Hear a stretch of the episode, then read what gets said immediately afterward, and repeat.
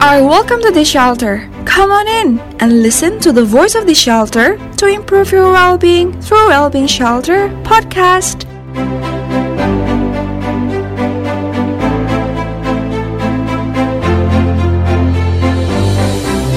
Assalamualaikum warahmatullahi wabarakatuh. Uh, kembali lagi teman-teman dengan kita di podcast yang di Shelter. Terima kasih teman-teman yang udah tepat pengen podcastnya dari kami ya. Nah pada hari ini kamu yang tentunya nggak kalah luar biasa dari tamu-tamu dari podcast sebelumnya. Uh, adapun uh, salah satu narasumber ini merupakan salah satu psikolog terkece yang pernah saya jumpai secara pribadi.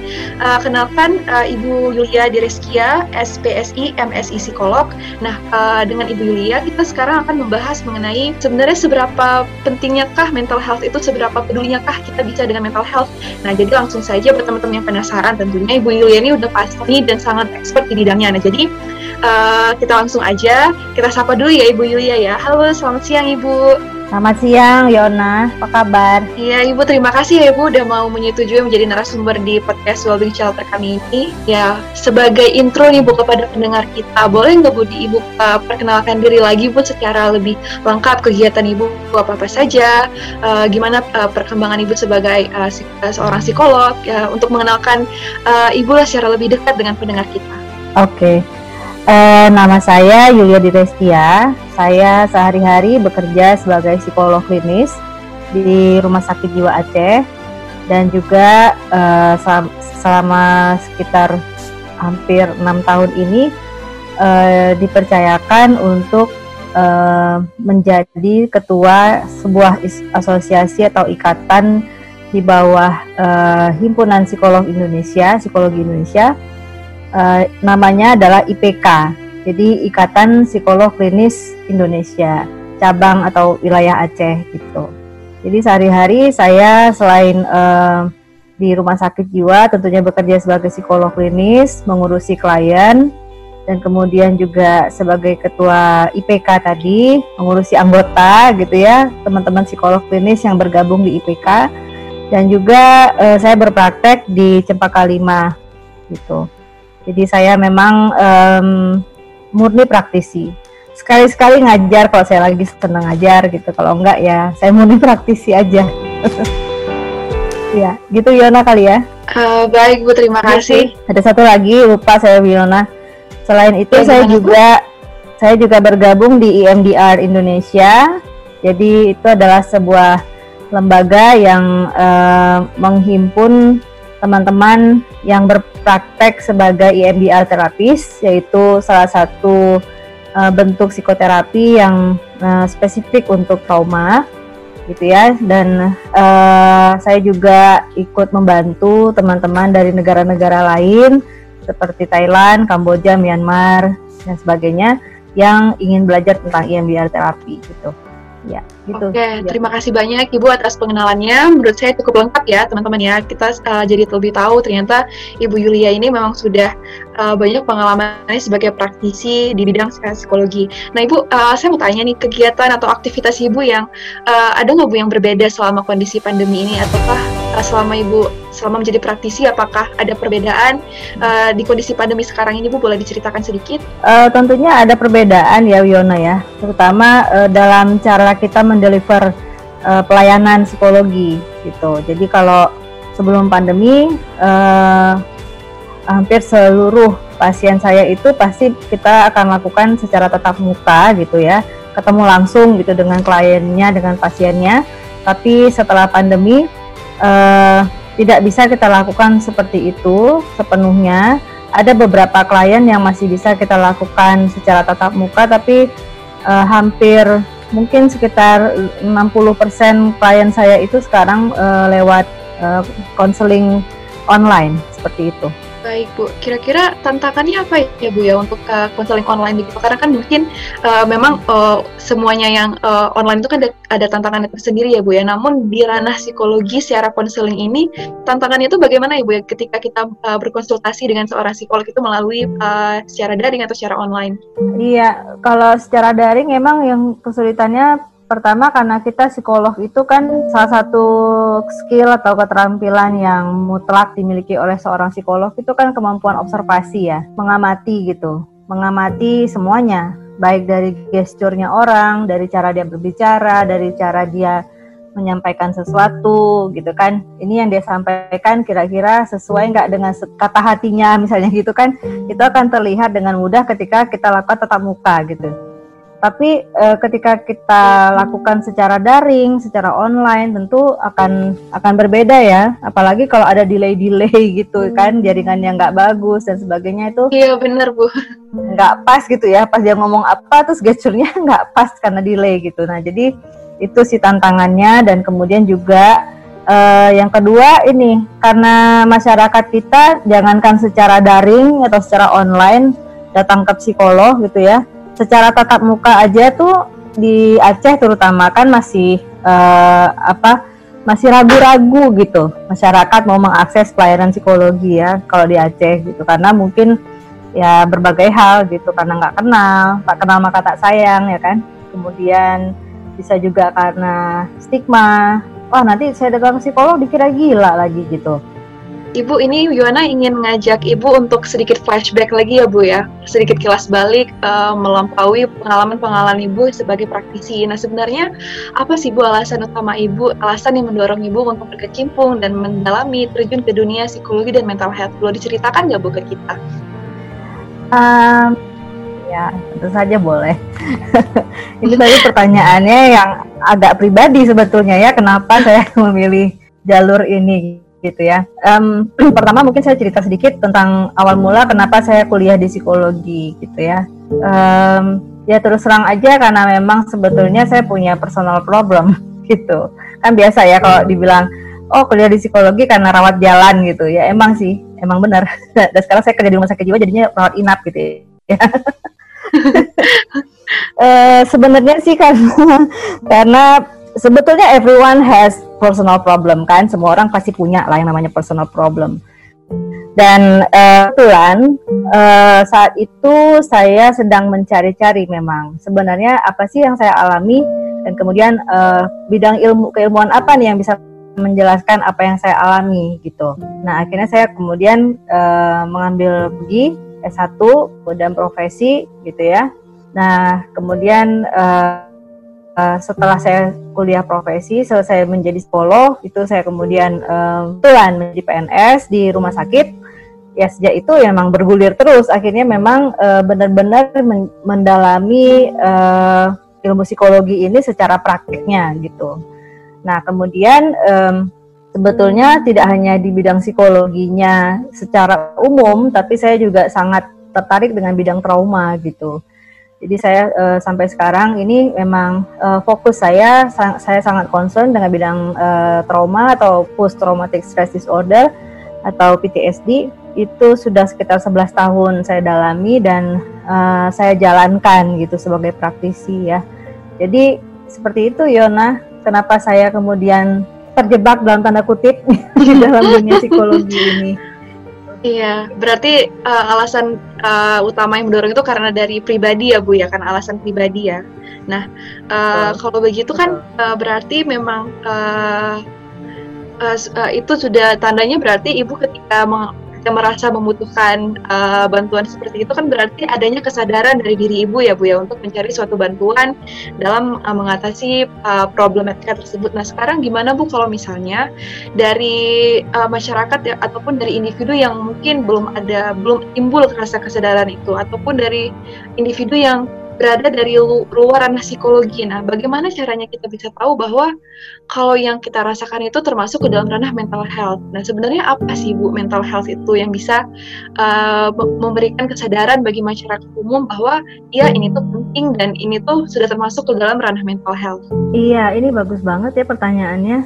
Uh, menurut saya um, memang kalau kita tidak punya perspektif uh, mental health atau psikologi gitu ya, uh, dan kita nggak pernah baca tentang psikologi kita nggak pernah tahu tentang kesehatan mental gitu. Emang agak susah untuk kemudian muncul uh, pemahaman di dalam diri kita bahwa oh kita ini sedang punya masalah mental ternyata. Oh kita ini sedang punya uh, problem psikologis gitu ya. Kita nggak pernah terpapar dengan hal itu gitu Nah, tapi um, saya rasa kalau di era sekarang ini karena udah sangat terbuka ya, orang bicara tentang mental health, orang uh, kalau kita baca di mana pun gitu, sangat mudah kita akses bacaan bacaan-bacaan tentang kesehatan mental, tentang psikologi dan sebagainya. Bahkan orang sudah banyak yang diam-diam mencari-cari gitu ya. Uh, sebetulnya saya ini ngalamin apa sih? Ngalamin bahkan yang lebih parahnya lagi uh, berani melakukan self diagnose gitu uh, mendiagnosa dirinya sendiri. Oh kayaknya saya bipolar nih. Wah kayaknya saya skizofreni gitu ya. Bahkan udah seperti itu sekarang perkembangannya kan? Jadi sebenarnya sih kalau menurut saya kalau kita bicara saat ini nih hari ini uh, orang sebetulnya menurut saya sih udah lebih terbuka tentang mental health gitu. Awarenessnya sudah mulai ada. Apalagi kalau di Aceh setelah tsunami konflik dan sebagainya itu orang sudah mulai terbuka oh, oke. Okay, ada yang namanya gangguan mental, oke okay, ada yang namanya problem psikologis gitu ya. Persoalannya sih bukan di orang nggak tahu sekarang menurut saya, tapi persoalannya adalah apakah dia meng mengakui atau um, merasa gitu bahwa yang saya alami ini adalah sebuah um, mental atau problem psikologis yang perlu mendapatkan bantuan dari orang yang tepat gitu ya dari profesionalnya, bukan dari dukun, bukan dari paranormal, bukan dari eh, orang-orang uh, yang tidak bisa dipertanggungjawabkan uh, dari segi saintifiknya seperti itu. Nah, ini yang jadi problem sebetulnya bukan mereka tidak punya awareness saat ini ya, sudah sudah terbuka sekali akses informasi tentang itu apalagi sejak banyak artis yang uh, kemudian disclose ya membuka diri oh ya saya punya bipolar oh ya saya punya ini punya itu. Itu kan masyarakat makin makin oh nggak apa-apa ya cerita kalau kita tuh punya problem mental. Oh nggak apa-apa ya kalau kita tuh punya problem psikologis terus kita speak up. Udah kayak gitu sekarang ini. Tapi ya balik lagi balik lagi kan ada keraguan-raguan di dalam diri mereka untuk meminta pertolongan ke orang yang tepat sehingga um, sering kali munculnya tuh kayak pertama denial dulu gitu. Oh enggak ah saya kayaknya enggak kayak dia deh. Saya kayaknya hmm, lebih ke yang ringan gitu. Jadi saya, kayaknya nggak apa-apa deh saya gitu. Nah sehingga akhirnya tidak mengaktifkan yang namanya uh, eh, self protection mechanism. Mekanisme pertolongan diri perlindungan diri. Sehingga nggak minta tolong gitu. Tapi keadaannya jadi memberat. Udah hmm. memberat udah bingung semua, dia sendiri juga bingung, baru deh ask for help, baru nyari-nyari bantuan gitu, udah telat. Seringnya sih kayak gitu yang saya lihat karena menurut ibu juga masyarakat kita memang sudah cukup aware ya bu ya. Sudah cukup udah timbul rasa uh, kesadarannya terhadap mental health itu. Nah, namun uh, masih banyak nggak bu bersik, bers, uh, yang bersirkulasi stigma-stigma yang menaungi uh, dunia mental health dan dunia psikologi ini. Dan jika ada apa sih bu yang paling umum dan ataupun uh, yang nggak paling umum pun yang memang ibu secara seorang psikolog yang sering ibu temui itu stigma yang bagaimana bu yang sering uh, di kita temui di uh, masyarakat kita. Oh ya, stigma tuh ada banget, ada banget ya. Apalagi hmm. kalau yang berkaitan dengan kesehatan mental, dengan problem psikologis, sangat gitu. Karena kan orang nggak mau ya terlihat lemah gitu. Kan dianggap kalau orang punya masalah mental, punya masalah problem psikologis, uh, ya seperti lemah gitu ya, nggak kuat iman lah, apalah gitu kan stigma dari yeah. orang dari masyarakat tuh kan. Jadi sehingga mereka nggak mau orang membaca diri mereka itu seperti itu. Ya mereka nggak mau terpotret seperti itu dirinya. Sehingga akhirnya kan e, menutup diri. Menutup diri dari minta bantuan gitu. Atau denial tadi yang saya bilang mengingkari bahwa dia punya problem mental. Sehingga ah, nggak apa-apa kok saya ini kayaknya masih ringan deh. Ini masih stres-stres biasa gitu. Padahal udah nggak tidur dua bulan ya kan gitu terus ah ini mah cuman karena sayanya aja lebay mikirin terus gitu Padahal emang itu ada gitu dan mereka berusaha denial, berusaha mengingkari supaya nggak dianggap lemah gitu. Padahal ketika orang dalam keadaan itu dan itu memang sudah uh, berlangsung lama gitu ya, uh, mengganggu fungsinya sehari-hari, kemudian uh, dari yang sebelumnya dia seperti apa, kemudian sekarang berubah menjadi lebih ya katakanlah tidak produktif kayak gitu. Tuh sebetulnya itu adalah pertanda bahwa mereka sebetulnya uh, sudah punya problem mental gitu kan sehingga harusnya minta pertolongan. Nah pertanyaan Wiona tadi stigma apa yang paling umum muncul? Yaitu kalau ke psikolog ntar dibilang gila gitu.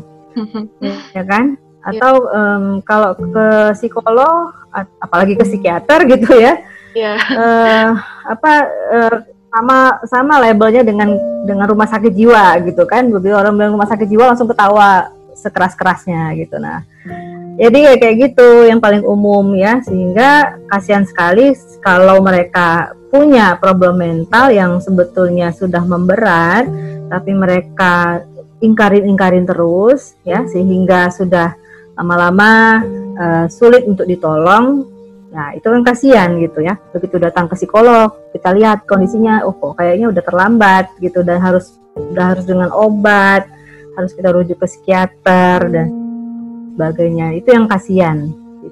Iya. Nah, uh, menarik bagi saya Bu ketika mendengar Ibu menjelaskan bahwa yang pertama itu seperti seperti ada dua kategori di sini ya Bu ya masyarakat kita. Yang pertama yang seperti um, denying bahwa kondisinya itu sudah uh, terlampau cukup berat mungkin dan yang kedua adalah adanya yang ada yang sampai self diagnose sendiri. Nah sekarang uh, nah saya sebagai pri hmm. secara pribadi ya bu, saya kan yeah. juga orang yang uh, ranahnya itu enggak uh, secara spesifik dari psikologi dan dunia mental health ini. Nah, uh, sampai sejauh mana sebenarnya ya. sih Bu kita harus sadar bahwa ini tuh sudah menjadi problem yang berat dan saya harus mencari bantuan profesional.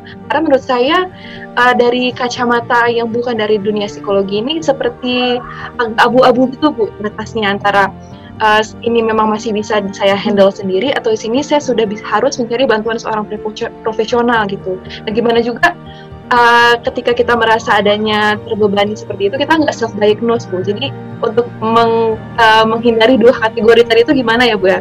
Uh, dari ya. uh, orang awam gitu. Ya kalau tadi itu sedang punya problem mental yang uh, perlu bantuan itu pertama kita ngelihat uh, ada nggak perubahan emosi gitu. Kemudian ada nggak perubahan perilaku? Itu yang paling gampang dilihat kan yang covered gitu yang bisa uh, manifestasinya tuh atau uh, apa bisa kita lihat bentuknya perilaku misalnya ya kan? Perilaku itu yang dulunya kita marah kalau perilakunya mungkin ya kemudian jadi marah-marah ya jadi uh, apa namanya ketika ketemu sesuatu yang sangat tidak menyenangkan tuh langsung gebrak meja misalnya kan perilaku itu ya.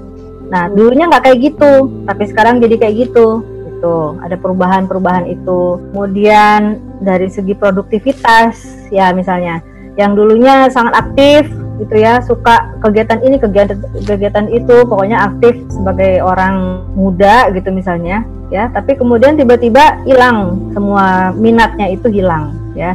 Yang tadinya suka melukis suka musik suka ini suka itu suka makan ya.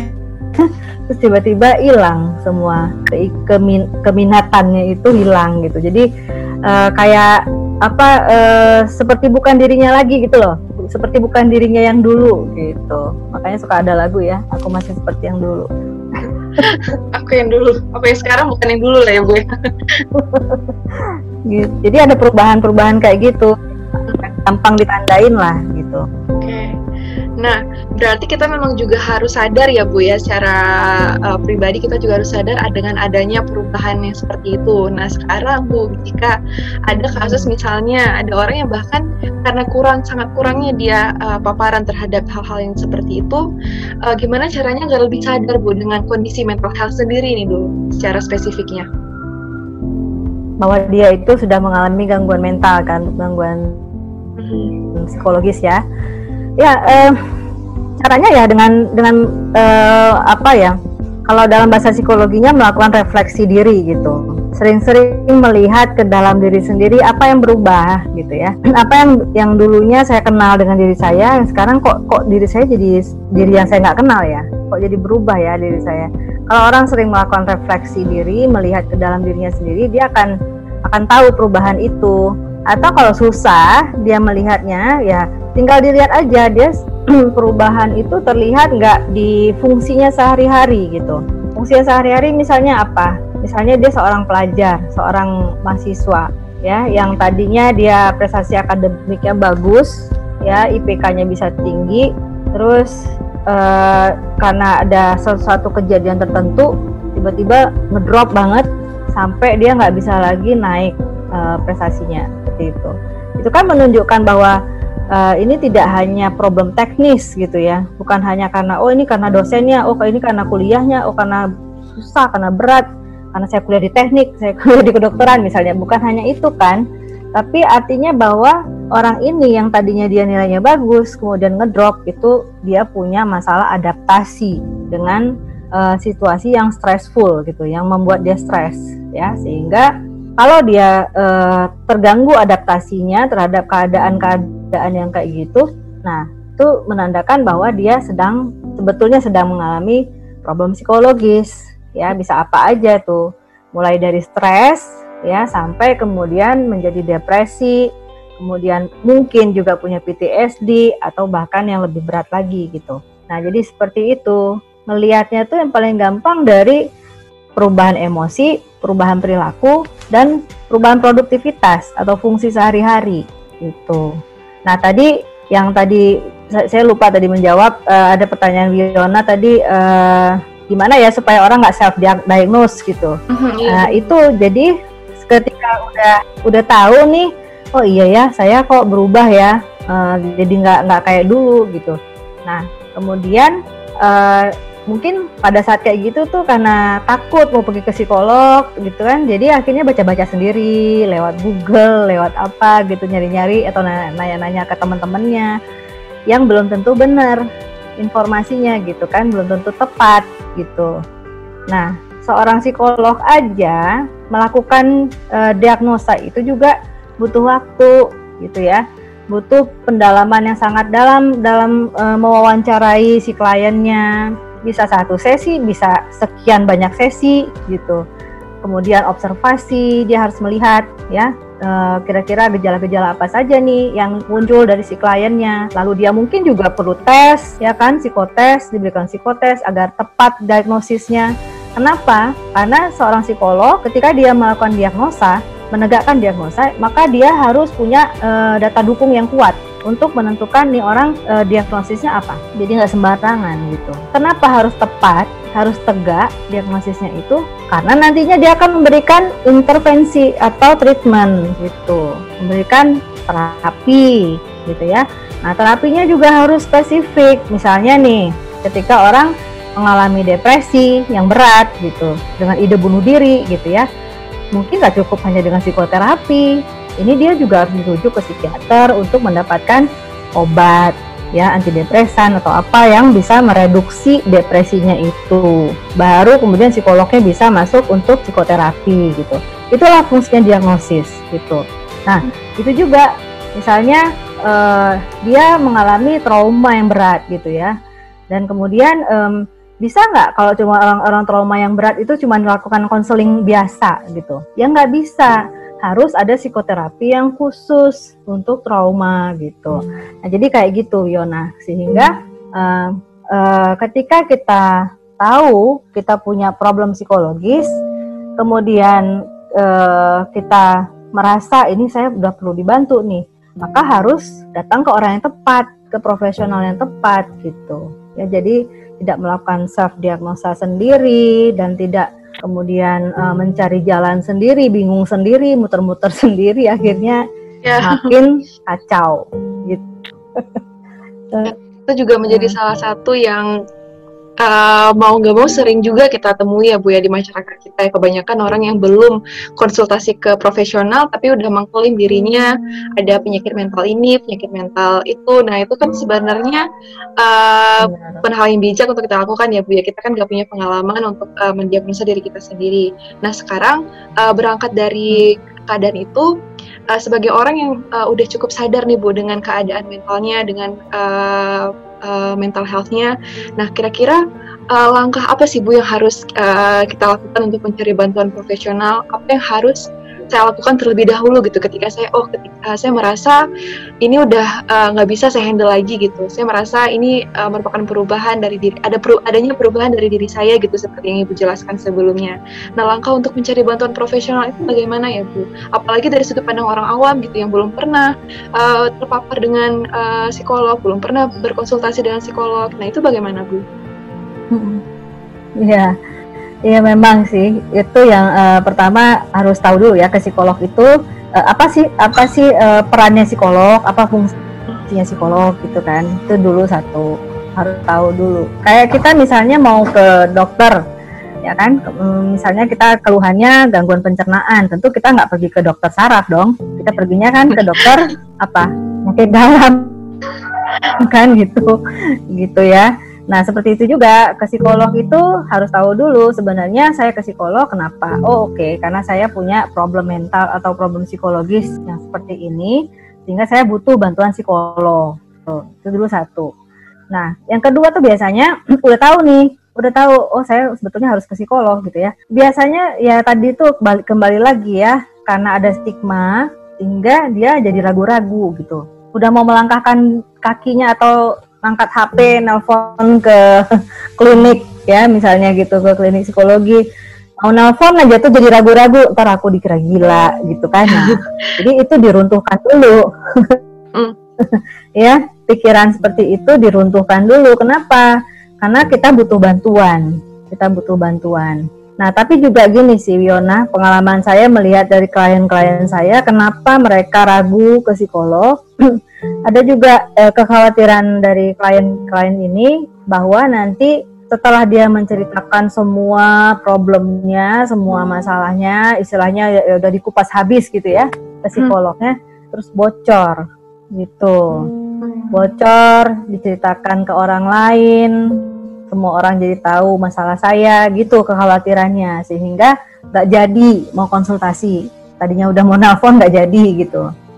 Nah, sebetulnya yang perlu diketahui masyarakat juga uh, semua psikolog, setiap psikolog itu uh, apalagi psikolog klinis ya, kayak saya psikolog klinis uh, itu disumpah gitu. Hmm. Kalau psikolog aja, psikolog di luar klinis itu juga ketika lulus dari profesi psikolog itu disumpah. Ada sumpah profesi namanya gitu ya. Di mana isi sumpahnya salah satunya adalah menjaga confidentiality menjaga kerahasiaan klien. Itu isi sumpahnya gitu. Nah, apalagi psikolog klinis sudah disumpah profesi pada saat dia lulus gitu ya menjadi psikolog, tambah lagi dia akan menjalani sumpah sebagai tenaga kesehatan gitu. Jadi dua kali itu sumpahnya.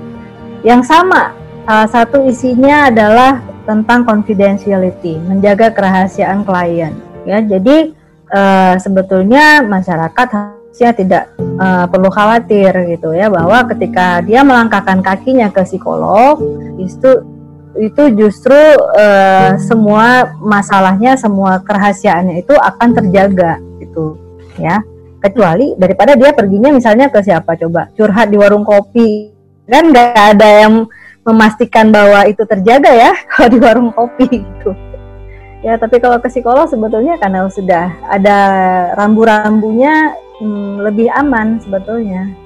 Iya. Nah, uh, berarti memang kita sebagai individu harus ini dulu ya Bu ya, harus meruntuhkan dulu dinding-dinding yang kita buat terhadap diri kita sendiri.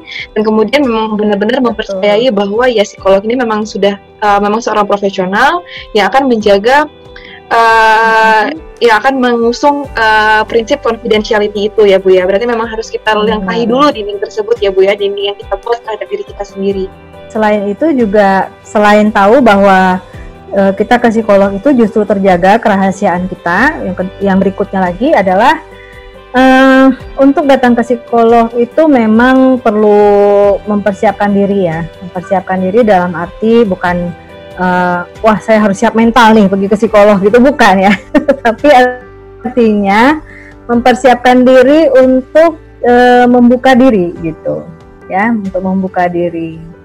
Jadi kalau kita masih pasang tembok, masih pasang benteng setinggi-tingginya, sekuat-kuatnya, di depan psikolognya juga masih gitu, nah, itu yang akan uh, sulit untuk dibantu akhirnya gitu ya. Tapi biasanya sih kalau psikolognya udah jam terbangnya tinggi, udah profesional, dia well, sebenteng sebenteng apa pun gitu ya, tetap bisa ada celah untuk ngorek-ngorek gitu. Kalau psikolognya udah udah jago gitu ya gitu okay. ya nah oke okay, nah ibu uh, setelah uh, kita meruntuhkan dinding-dinding tersebut dan setelah kita menaruh kepercayaan kepada uh, psikolog yang akan kita temui, nah kemudian uh, ketika nih uh, skenario nya misalkan uh, kita sudah membuat uh, konsultasi, membuat appointment dengan uh, seorang psikolog. Nah sebelum bertemu dengan psikolog yeah apakah ada yang harus dipersiapkan terlebih dahulu Bu dari uh, kliennya, dari sisi kliennya, apakah ada yang harus dipersiapkan terlebih dahulu sebelum bertemu dengan psikolog? Tadi yang saya sudah jelaskan juga ya sebelumnya, uh, dia harus uh, mempersiapkan diri untuk membuka dirinya gitu, hmm. di hadapan psikolog itu. Uh, ketika orang datang mungkin memang kan uh, susah untuk menceritakan ya, apalagi kalau problemnya itu sangat berat atau bahkan sangat sudah lama sekali problem itu dia alami sehingga uh, untuk menceritakannya itu aja dia udah bingung mau dari mau mulai dari mana gitu ya kan? Nah um, itu kondisi seperti itu sebetulnya juga nggak apa-apa gitu ya. Jadi dia nggak perlu yang terlalu mempersiapkan diri yang gimana banget gitu uh, untuk datang ke psikolog.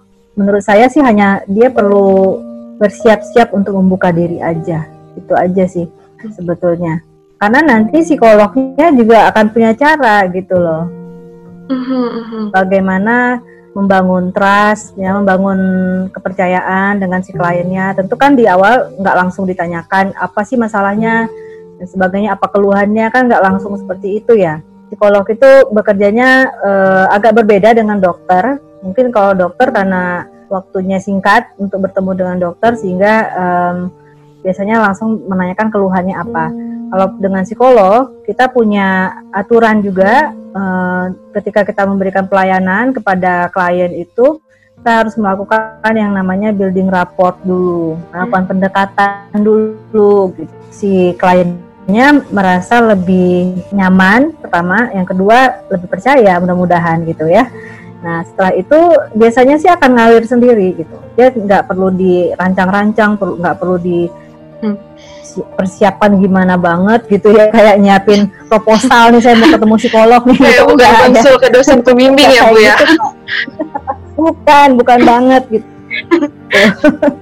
Um, psikolog itu uh, harusnya jadi jadi manusia yang paling humanis lah ya kan gitu. Karena uh, dia harus benar-benar bisa respect gitu dengan orang gitu harus uh, bisa menjaga privasinya orang lain menjaga kerahasiaan dan lain-lain tuh seorang psikolog tuh dia harus punya mental capacity yang seperti itu gitu jadi justru datang ke psikolog itu harusnya menjadi sesuatu yang sangat aman bagi si klien mm-hmm.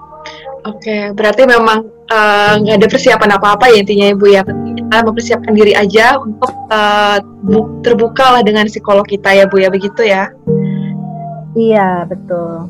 Uh, nah, ini Bu yang menurut saya uh, mungkin sangat uh, uh, banyak orang yang penasaran nih Bu, uh, apalagi orang yang memang belum pernah sama sekali ada pengalaman bertemu dengan psiko seorang psikolog. Nah, uh, Ibu yang sebagai seorang psikolog, uh, sebagai seorang praktisi yang sudah ada memiliki beberapa uh, banyak uh, pengalaman uh, bertahun-tahun, seperti apa sih Bu kondisi di dalam ruang terapi?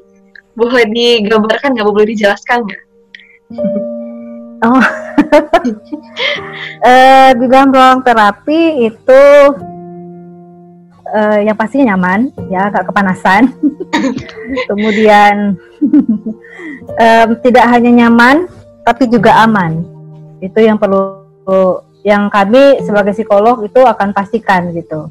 Jadi kita pastikan dulu kondisi uh, ruangan uh, terapi itu aman gitu ya. Amannya dari apa? Ya dari macam-macam. Dari aman dari lalu lalang orang yang akan lewat-lewat gitu kan karena ini adalah um, privacy area yang tidak boleh ada orang lain ikut mendengar, ikut um, apa namanya? terlibat di dalam proses itu kalau tidak dikehendaki oleh si kliennya.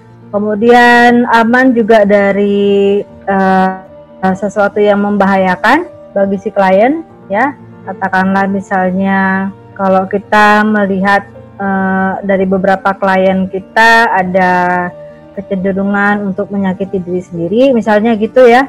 Ya artinya dalam ruangan si psikolognya pasti nggak akan ada tuh yang namanya kaca ya kan? Nggak akan ada yang namanya apalagi pisau gitu ya, ya pasti nggak ada lah gitu. Misalnya psikolognya waktu psikolognya lapar makan mangga dulu ah gitu. Ada pisau di situ. Enggak lah nggak mungkin begitu. Pasti psikolog itu dia sudah akan memastikan uh, ketika si klien datang ruang itu sudah aman untuk si kliennya gitu mm-hmm. ya. Dan kemudian um, biasanya kita juga mempersiapkan ya yang kira-kira diperlukan oleh si kliennya misalnya tisu atau sekedar air gitu ya air untuk minum seperti itu. Tapi kalau di ruang praktek saya terus terang ada wastafel ada pertanyaan berikutnya Wiona. Buat iya, apa wastafelnya gitu? iya, ya? buat. ya kadang-kadang kadang-kadang gini loh. kadang-kadang ketika klien datang ke kita kita kan uh, harus bersiap-siap untuk sesuatu yang un unexpected ya sesuatu yang kita harapkan gitu kan um, ada beberapa klien saya tuh yang ketika bercerita dan kemudian uh, dia mengingat kembali peristiwa traumatik yang dialami terus ya merasa disgust gitu disgusting ya jadi jijik gitu ya sehingga dia perlu wastafel kan gitu. oh iya berarti memang ruang jadi intinya itu. gini loh saya bukan mau bilang ruang psikolog tuh ada harus ada wastafelnya loh ya bukan itu maksud saya jadi maksud saya saya mau bilang as a professional sebagai seorang psikolog yang betul-betul memperhatikan segala hal demi keamanan si kliennya gitu ya maka di ruang prakteknya dia pasti akan mempersiapkan segala sesuatunya yang dia pikir akan penting untuk si kliennya. Itu loh yang saya mau bilang. Jangan nanti dikira yeah, yeah. wah semua psikolog harus siapin wastafel. Bukan itu maksudnya. Iya yeah, jadi intinya sih kalau datang kalau datang ke ruang psikolog itu justru sebetulnya kalau menurut saya ya itu akan menjadi tempat yang paling aman bagi si kliennya. Mm-hmm. Iya, saya rasa memang setiap psikolog punya caranya sendiri ya Bu ya, punya strateginya sendiri untuk membuat atau merancang ruangan terapinya itu senyaman mungkin dan seaman mungkin bagi uh, klien-kliennya. Benar. Bahkan uh, psikolog-psikolog yang sudah sangat uh, tinggi jam terbangnya dan saya juga melihat gitu ya beberapa tempat terapi yang ada di luar negeri gitu.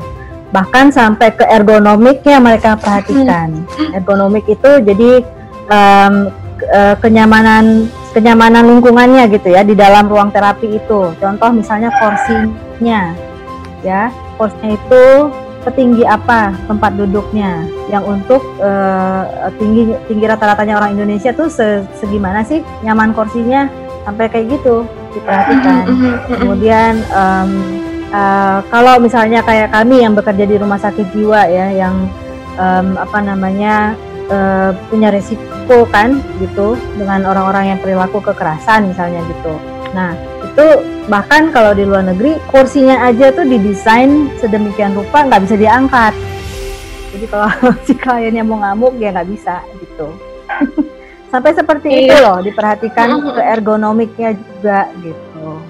Demi Kalau menciptakan yang ruang yang nyaman ya bu ya. Betul iya.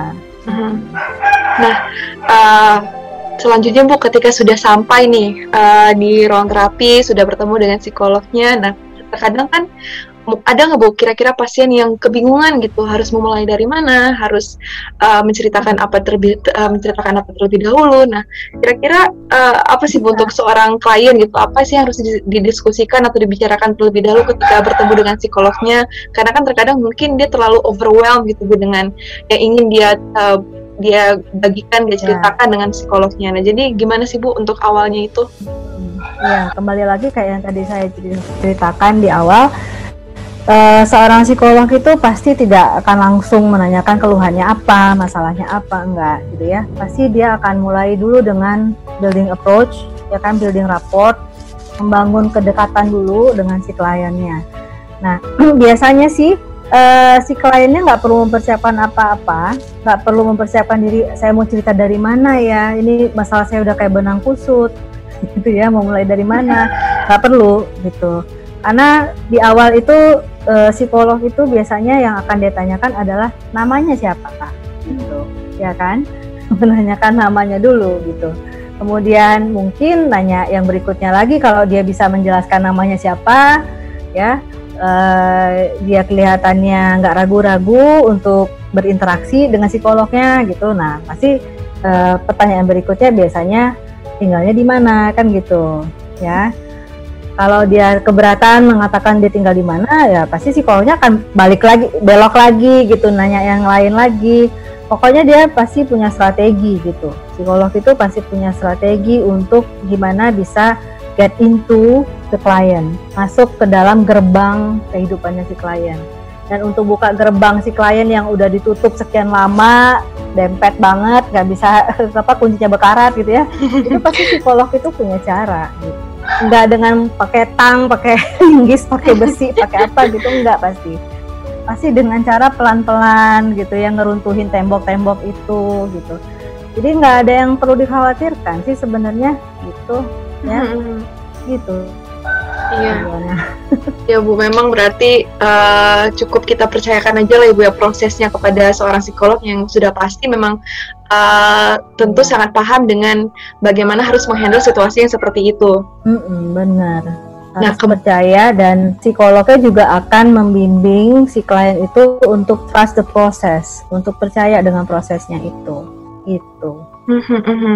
Nah, baik Bu. Kemudian setelah uh, bertemu dengan uh, seorang psikolog, uh, apa yang harus dilakukan Bu? Maksudnya apa sih langkah selanjutnya gitu setelah selesai berkonsultasi dengan psikolog? Oh setelah ber selesai berkonsultasi maksudnya? Iya jadi seperti uh, misalnya ada klien yang datang ke uh, seorang psikolog ingin berkonsultasi, nah kemudian ketika dia uh, pulang itu dari uh, uh, dari di, dari dirinya dari dirinya secara pribadi apakah ada langkah yang bisa dilakukan selanjutnya untuk membantu prosesnya itu bu gitu? Oh gitu setelah dia pulang maksudnya?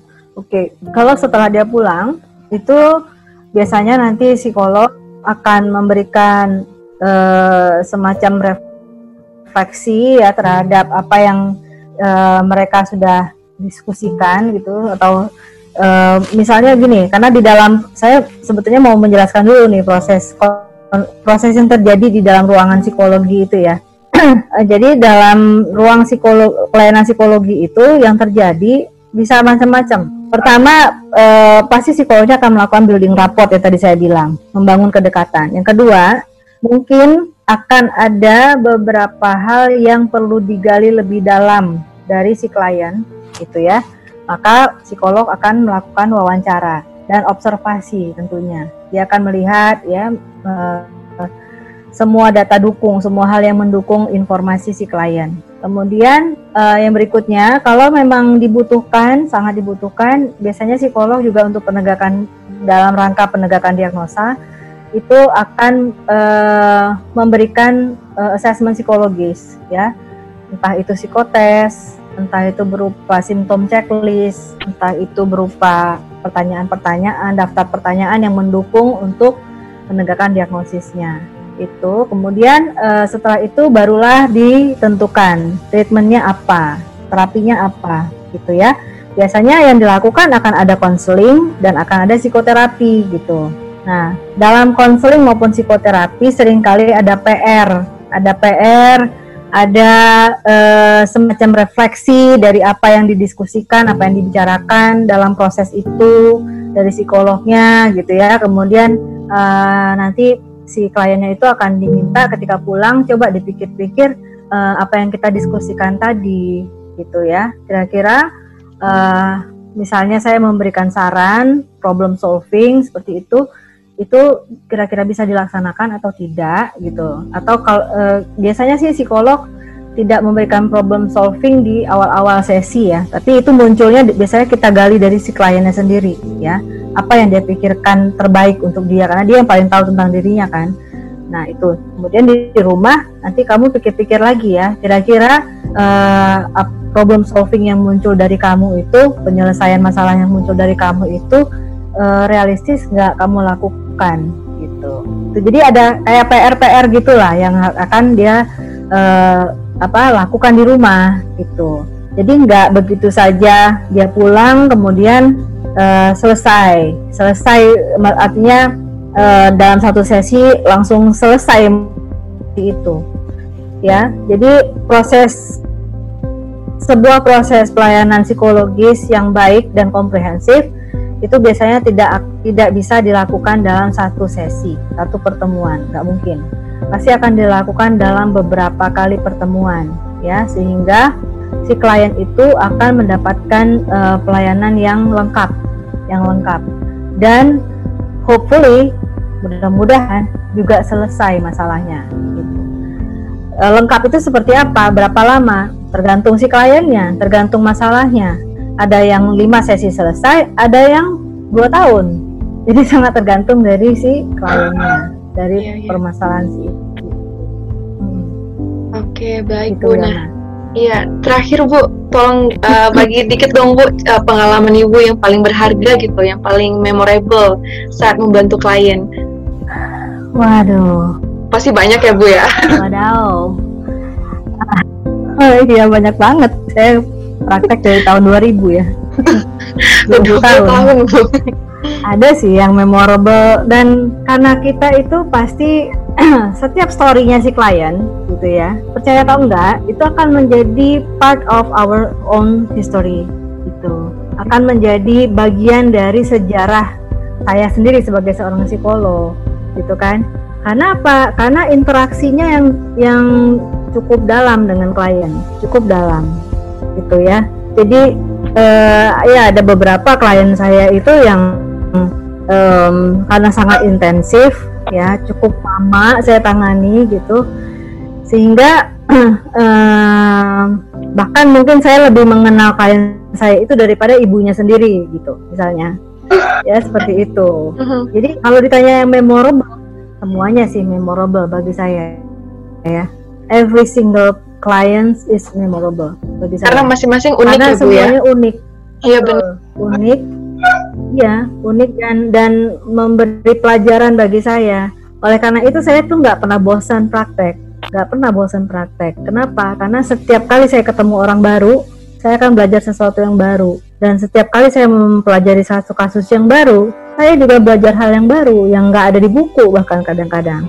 Penyelesaiannya juga yang kadang-kadang ya oke okay, secara teoritis seperti ini gitu ya, but in practical way it could be very different bisa jadi sangat berbeda gitu ya oleh karena itu setiap klien memberi pelajaran yang sangat berharga bagi saya. Bahkan bukan setiap klien setiap sesinya itu memberi pelajaran gitu. Jadi ketika seorang psikolog itu dia menikmati pekerjaannya uh, pekerjaan itu bukan lagi bekerja dia bukan lagi bekerja ya tapi dia memang menikmati itu gitu. Seperti itu Wiona. Balik lagi pertanyaan memorable. Sebetulnya saya sedang menghindar saya sedang menghindar bercerita iya. tentang itu sebenarnya karena karena saya kan uh, saya 11 tahun itu bekerja dengan klien-klien yang traumatik ya karena saya uh, ekspertis saya di bidang itu jadi kalau saya bercerita tentang klien saya tuh kayaknya uh, justru membangkitkan memori saya yang nggak enak juga gitu ya iya. tapi ada sih satu uh, gini yeah. saya cerita gini aja dari beberapa klien saya yang berhasil akhirnya keluar dari uh, problem yang sangat berat dalam hidupnya itu gitu ya yang ya ya ya pasti pertolongan itu dari Allah ya tapi lewat tangan saya kemudian dia bisa saya bantu untuk um, kemudian dia bisa survive dia bisa kembali menjalankan fungsinya sehari-hari gitu ya. Bahkan dia bisa uh, much better daripada sebelumnya gitu ya uh, itu yang memorable bagi saya itu ada yang sebelumnya ada keinginan bunuh diri ada keinginan untuk menghabisi hidupnya hmm. kemudian dia bisa bangkit ya nah, dia bisa uh, mencapai apa yang dia cita-citakan ya dan dia bisa menjalankan fungsinya lagi sebagai manusia ya itu memorable bagi saya gitu. mm -hmm. Ini saya kalau bicara tentang klien saya sedikit emosional. Karena iya iya ibu. Uh, bisa dimengerti nggak apa-apa.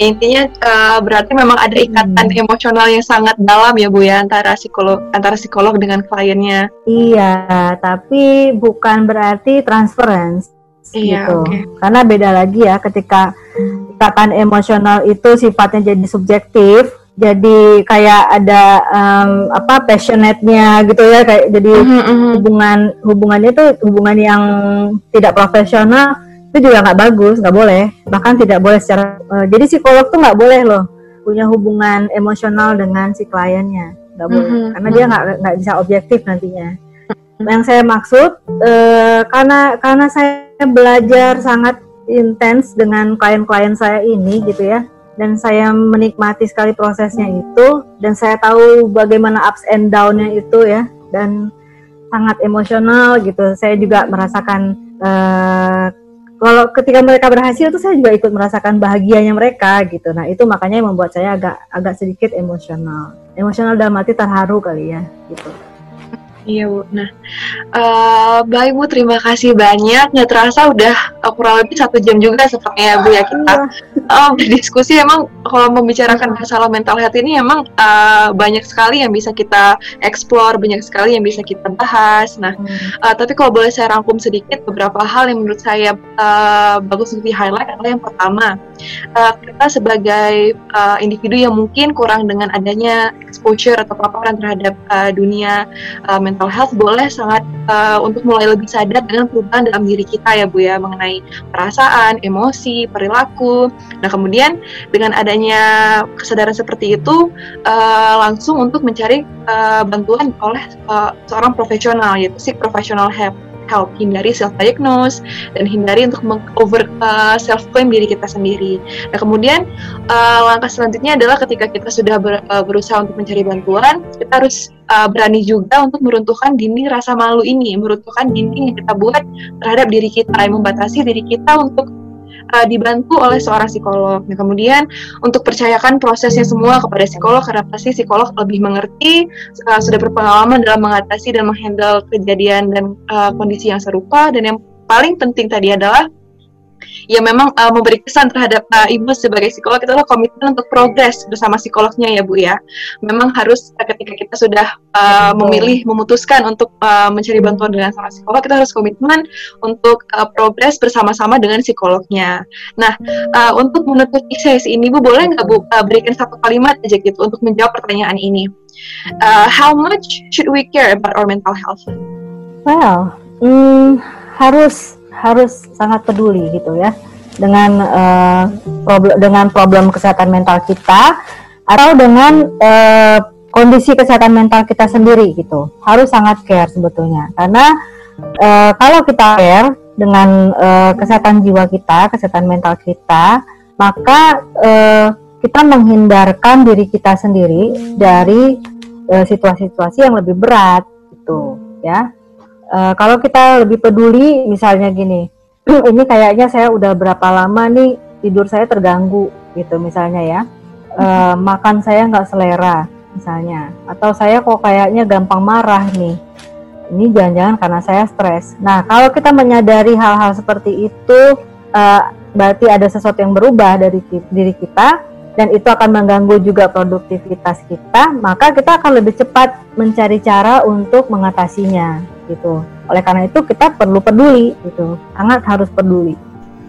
Hmm, iya benar baik. Terima kasih Ibu. Ya mungkin uh, satu pesan juga dari saya ya untuk teman-teman pendengar. Nah itu nggak boleh nggak usah takut untuk uh, menemui psikolog. Bahkan seorang psikolog juga akan mengencourage kita semua untuk mencari bantuan kepada psikolog karena seperti yang udah dijelaskan oleh Bu Yulia tadi, ruangan psikolog itu, ruangan terapi itu sangat aman dan nyaman ya Bu ya. Nah jadi uh, iya Bu terima kasih banyak kepada uh, Ibu Yulia yang telah menyempatkan waktunya ya Bu ya, waktu dari waktu sibuknya uh, sebagai seorang praktisi yang sangat uh, padat untuk berbincang mengenai uh, mental health ini. Saya rasa uh, sekian dari kita Bu. Terima kasih uh, sudah menyempatkan waktunya di Wellbeing Shelter. Semoga nanti kita dipertemukan di kegiatan selanjutnya ya Bu ya. Terima kasih banyak. Iya, Assalamualaikum. Iya, sama-sama. Waalaikumsalam. Terima kasih banyak ya teman-teman udah dengerin podcastnya Wellbeing Shelter kali ini. Stay tune ya, jangan lupa untuk dengerin podcast selanjutnya. Temanya gak bakal kalah menarik loh. Don't forget to follow our Instagram at wellbeing.shelter to get the latest update on our projects. See you soon!